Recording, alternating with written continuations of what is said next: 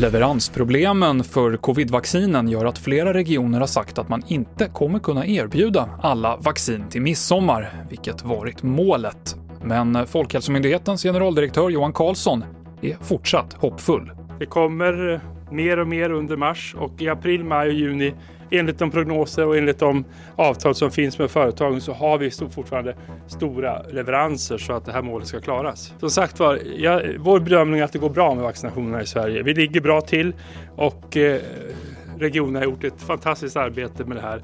Och 316 765 svenskar har fått minst en vaccindos enligt den senaste statistiken. Det motsvarar 3,86 procent av den vuxna befolkningen. Mer från dagens pressträff om vaccinläget på TV4.se.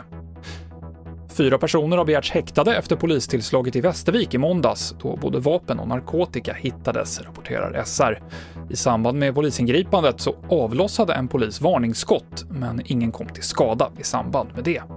Och nu har truppen till VM i längdskidor tagits ut. 17 åkare får följa med till Oberstdorf i Tyskland, bland andra Charlotte Kalla, som haft skadeproblem, och sprintstjärnan Linn Svan, som gör sitt första VM.